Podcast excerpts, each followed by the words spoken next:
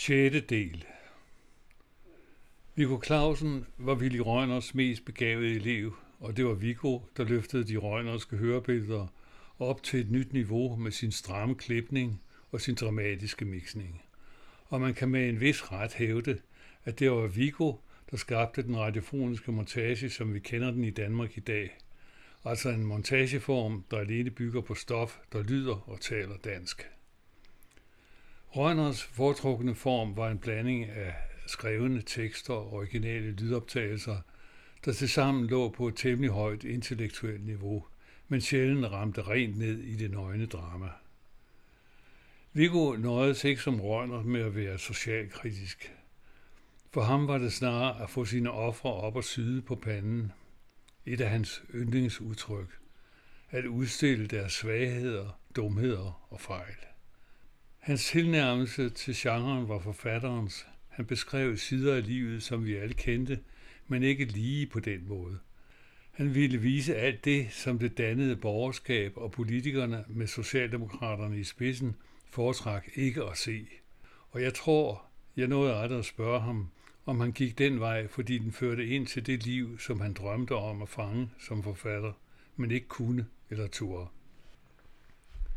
Viggo havde forfatterdrømme som ung og opgav sit jurastudie efter at have fået antaget nogle noveller i Berlingske Søndags tillæg.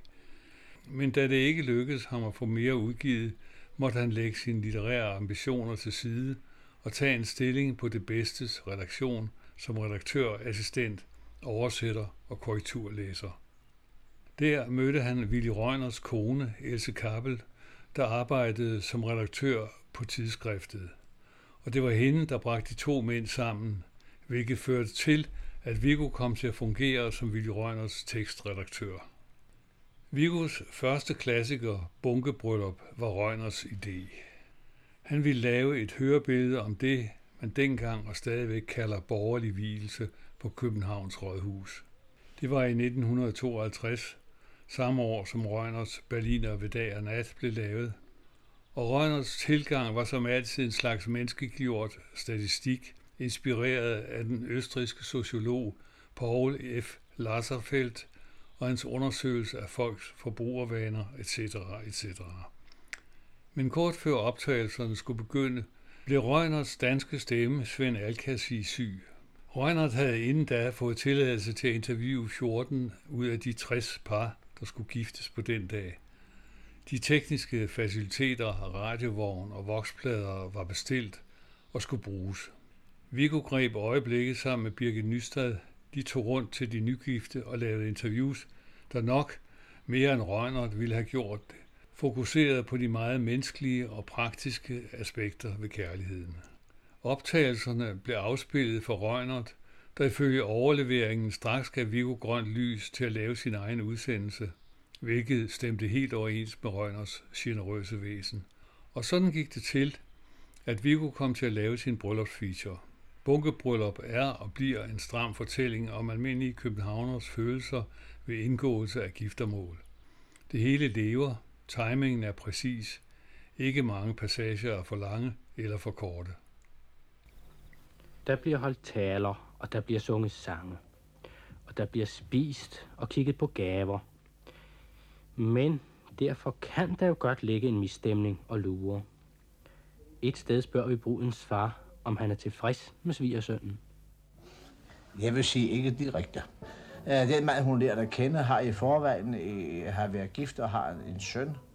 Og øh, jeg mener i den retning, det er igen personligt, at sønnen, barnen, det er første ægteskab øh, med hans kone, det er ikke, at det eventuelt senere kan opstå divergerende meninger øh, ved eventuelle, ja, som man har i ægteskab. Man kan have ægteskaber, ikke? Rent privat opgør. Det kan man godt have. Uden derfor, at det er det store, som man kalder det. Man, vi har to forskellige, mand og kone har to forskellige meninger i. Og øh, så er det det, at nu kender jeg min datter personligt, og øh, hendes nerve er jo ikke helt, som vi mange gange skulle være, men at så forholdet der med, at tidligere han har været gift sig barnet er mellem, og det kan altså det komme det vrøg og spektakel. Og det er kære. Jamen, deres svigersøn har jo ikke barnet. Det indrømmer jeg, at barnet er hos moren.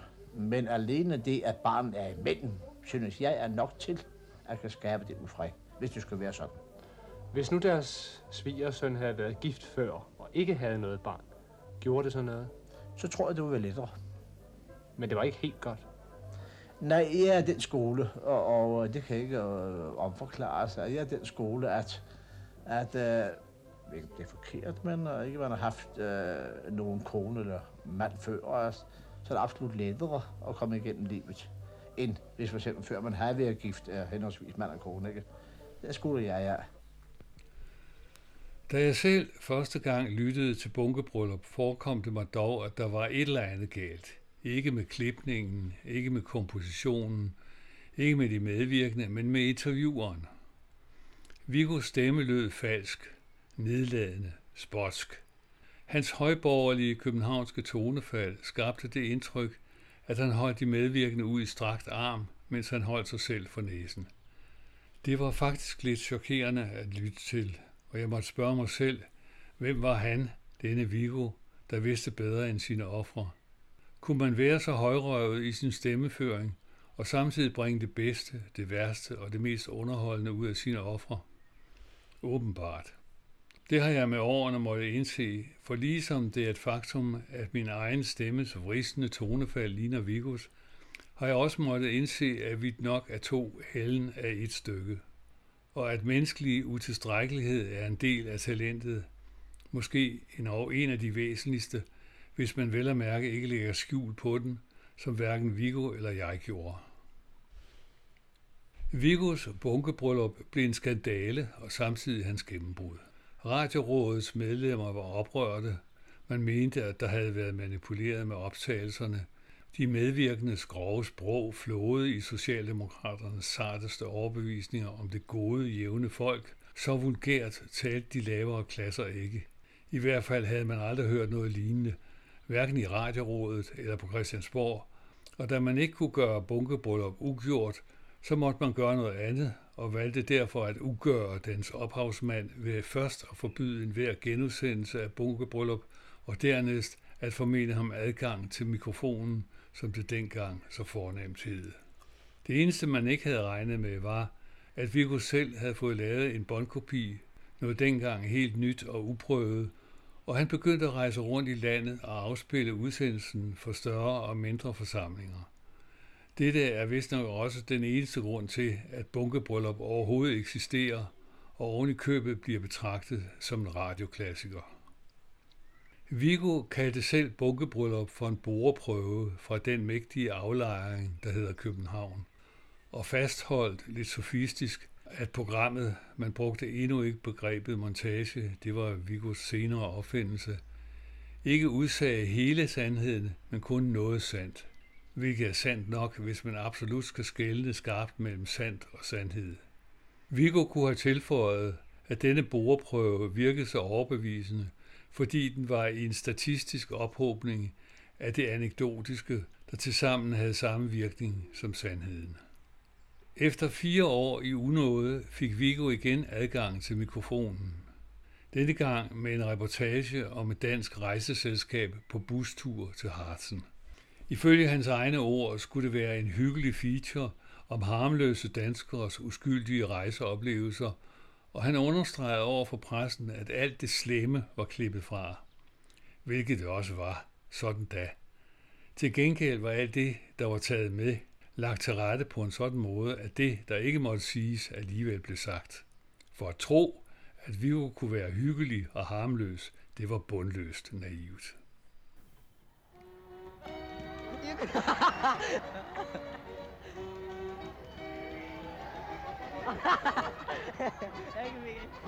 Gib mir den Wert ganz umgucken.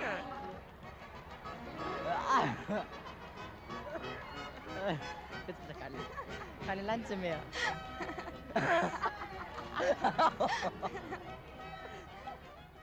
Kan de høre, at det er en ung pige og en ung mand, der lærer? Pigen er fra vores selskab, men det er manden ikke. Og alligevel så lærer de godt sammen, synes jeg. Der bliver nu ikke nogen happy end på den historie. Det får de at høre, når vi nu her om lidt går ud af cirkus igen.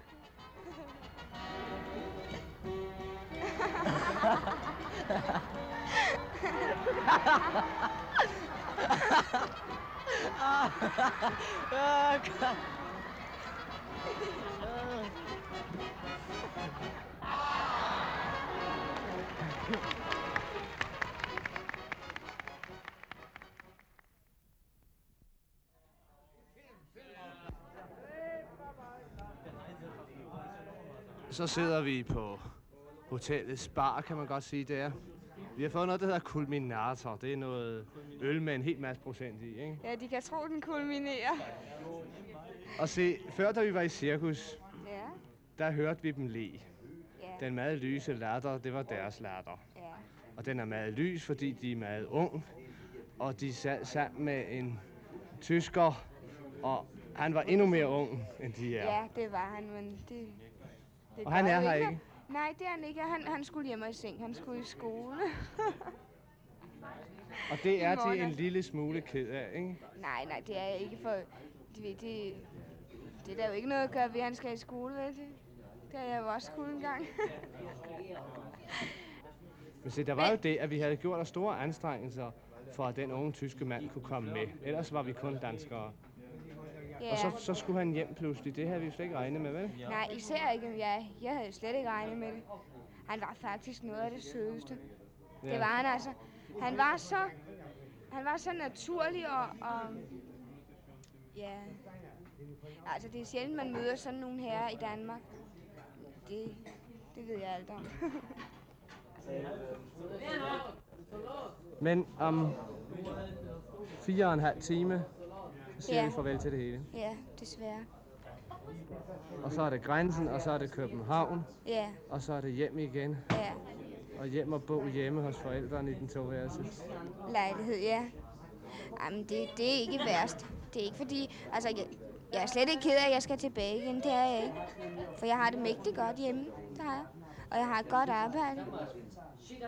Jeg har det godt hjemme, det har jeg altså. Men jeg har altid, jeg har altid kun lide altså sådan fremme landskaber. Ej, det er første gang, jeg er i udlandet, det er det altså. Bliver det sidste? Nej, det lover jeg dem alt om. Det gør det ikke.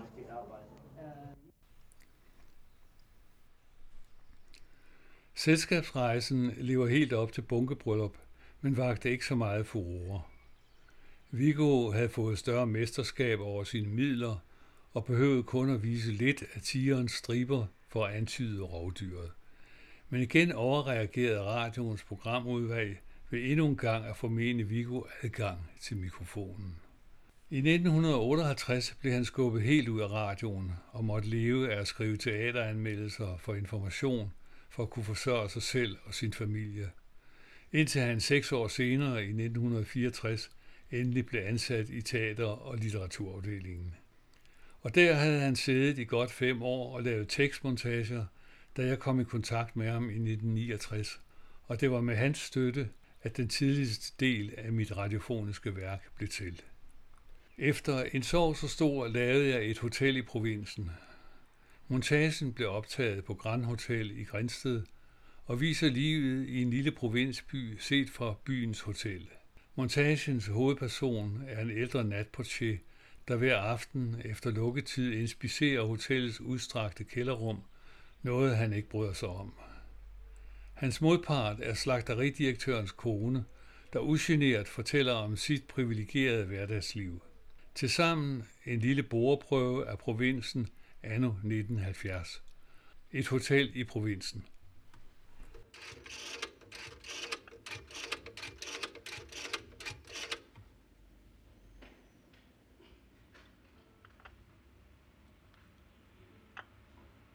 Ja, det er Grand Hotel. Goddag. Må jeg låne inspirationen? Tak.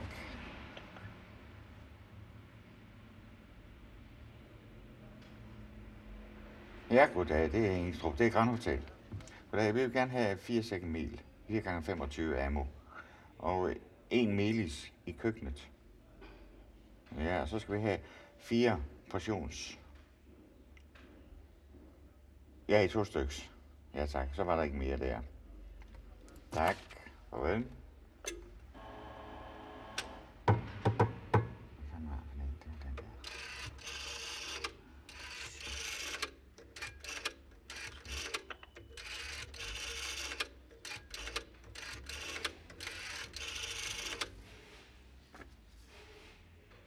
Den nøgne pige. Undse dig ikke ved din pragt. Jeg giver dig et kys, en dræt. Der slipper tanken, når jeg dør. Men aldrig, aldrig, aldrig før. Goddag, goddag her. Øh, jeg vil sgu gerne have 6 gange 5 kilo rødkål. Ja, ikke? Ja, det er det. Mange tak, tak, og tak for opmærksomheden. Tak. Og to. Og sådan. Ja, jeg skulle ud og spise med kniv og gaffel. Ja, ja, det, det sker jo ikke så tit. Ja. Ja, tak. Ja, ja, vi fik to af dem. Vi har altså taget hul på den ene. Men det er meget surt. Mm, jo, men der findes, der findes øh, faktisk fire slags. Øh, mm, ja. ja, det har vi. Det har vi altså ikke. Vi, har- vi er først lige begyndt på den nemlig. Uh, vi har, vi har, ja, det er rigtigt. Den er også lige gået hul på den nu. Og den, den er mere sødlig. Ja, det kan vi også godt tage. Kan vi få den bytte, den vi har? den. Nej, nej, nej. Den anden. Ja. Ja, ja, det, er- det er lige netop den. Ja. Vi prøver det. Tak skal I have. Tak.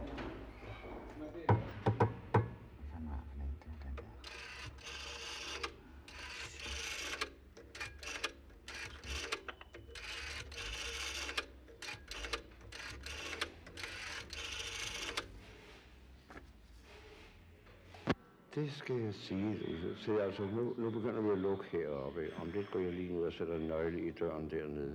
Og drejer dernede, ikke? Så skal de gøre regnskab derinde. Og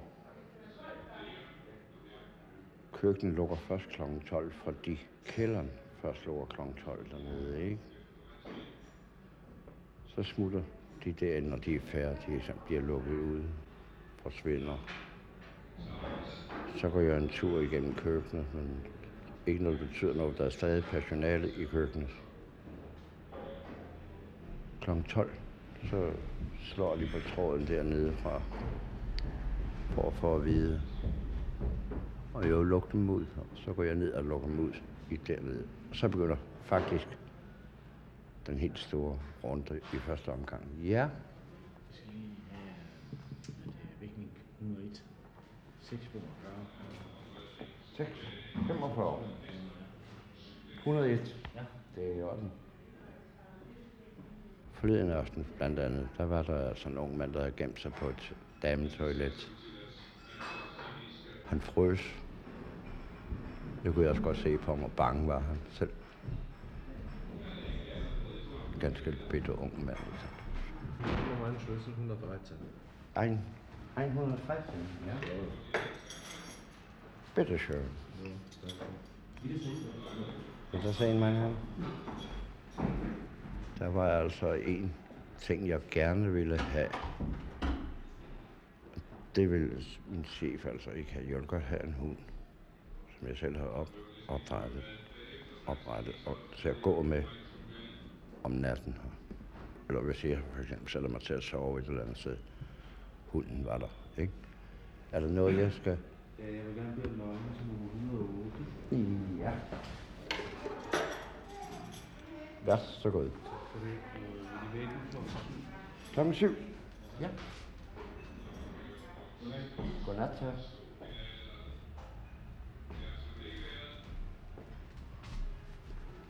Nu skal du lige høre.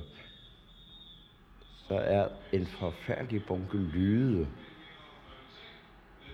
i sådan et gammelt hotel som det her. Knirker der, og det knager der, og, ikke? Nu har jeg vendt mig til det, ikke sandt? Og jeg ved næsten, hvad det er for noget. Hvor det knager, og hvor det bare er henne, ikke? Så skal jeg, og klokken altså, ja, vi kan godt sige halv et, så er de også færdige dernede. Lukker jeg dem ud, og så går jeg hele kælderen igennem i den og vi har mange fjernekroge. Så siger det pludselig knas et sted, bras et sted. Og sådan. Ja, altså lydene kan jeg jo ikke, kan jeg jo ikke gengive, som de, de, de kommer, men så ligesom et skab, det giver sig. Og sådan er det hele vejen igennem, hele huset. I, i, I første omgang altså var det lige, jeg tænkte, gik nogen, går der en der, eller hvad, hvad er det for noget der? Ikke? Så er det nemlig også lyde, ligesom nogen går over et gulv. Sådan, men øh, jeg er at kende det, så det generer mig ikke mere, og overhovedet ikke. Og så går jeg enten ind i min stol hvis sætter vejr som min dag, så solen skinner, og så kan jeg sætte mig ind og læse min avis. Jeg går i min seng igen, hvis det er koldt og, og regnfuldt. Så går jeg i seng igen og læser min avis en times tid. Så står jeg op. Og, og som jeg siger, jeg siger hen til næste søndag hver mandag morgen. Det er dejligt. Jeg synes, vi er under, at jeg ikke skal op om søndag kl. 9. Men øh, når man står op kl. halv syv, så går han jo ind og barberer sig godt i stand. Så bliver jeg liggende i min seng, indtil han går ind og klæder sig på. Så går jeg først ud i mit køkken, tager min havskåb på at gå i køkkenet, og tænder min elektriske kæde. Altså, vores hus er jo sådan gennemelektriciteret, så det er meget nemt. Så er jeg vel nok færdig med den første runde, er jeg jo færdig der ved godt to tiden. Ikke? En anden montage fra disse år er bare fordi man er køn, der også kan høres på lydfotografen potbean.com. Den handler om unge pigers drømme om at blive fotomodeller. En af de medvirkende fotografer sagde efter at have hørt montagen, at det, som han altid ønskede, når han havde fotograferet pigerne, var lykkedes for mig at få dem til at klæde sig af. Måske ikke ligefrem afklædning, men jeg fik dem til at åbne sig, jeg citerer her et afsnit fra Bare fordi man er køn. Er der ikke nogen i for eksempel i Ekstrabladet eller i andre konkurrencer? Jeg ringer meget sjældent selv til nogen. Mm. Øh, men det, altså, der, nogle gange ser jeg en sød pige, og så ringer jeg op til redaktøren på, på bladet og siger, hvordan og hvorledes øh, har I nogle flere billeder af hende, eller tror du gerne, hun vil være model, eller Øh, jeg skal lave noget, øh, noget kollektion for Daniela. Hvordan går det? Kom ind, Mølle. Det er godt. Har du taget... Goddag, Ole. Nå. Ja. Jo, angående... Nå, det var da bare kult. Alle tiders. Ja, men nu skal du høre. Men altså, øh, jeg vil dig en ringe til hende, Grete, og sige, at du selv kunne det op. Ikke? Fordi nu har Tisse nok sagt, at hun skulle vente, til hun hørte fra dig. Ikke? Så der er ingen grund til, at de sidder og venter. Er hverken. Og så vil han flyve til Sverige. Jeg ved ikke, hvad han vil. Kom ikke Mothers. Hej han. Sophisticated damer. Lad os se, hvad vi. Godmorgen. Grete. Mm, Lissy. Er måske lidt sporty i det. Vis pres på. Hvad er det for Fredrik.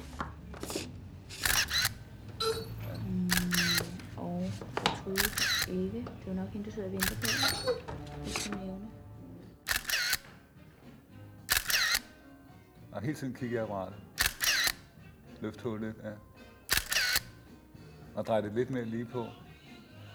Og sænk det lidt lidt. Sådan der. Ja. Skal lige lave det gåsehud. Åh, oh, nej. Ja. Det er rigtig lækkert. Koldesus. Men kun på kroppen, ikke på æggehovedet. Nej, jamen, den kender jeg.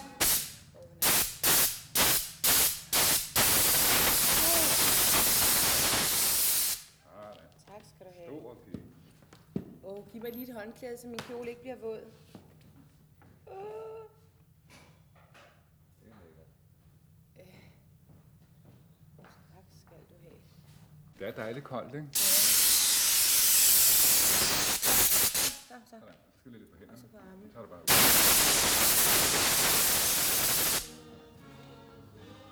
Ja, så kigger du bare hen. Du skal ikke smile. Drej hunden lige en millimeter derovre.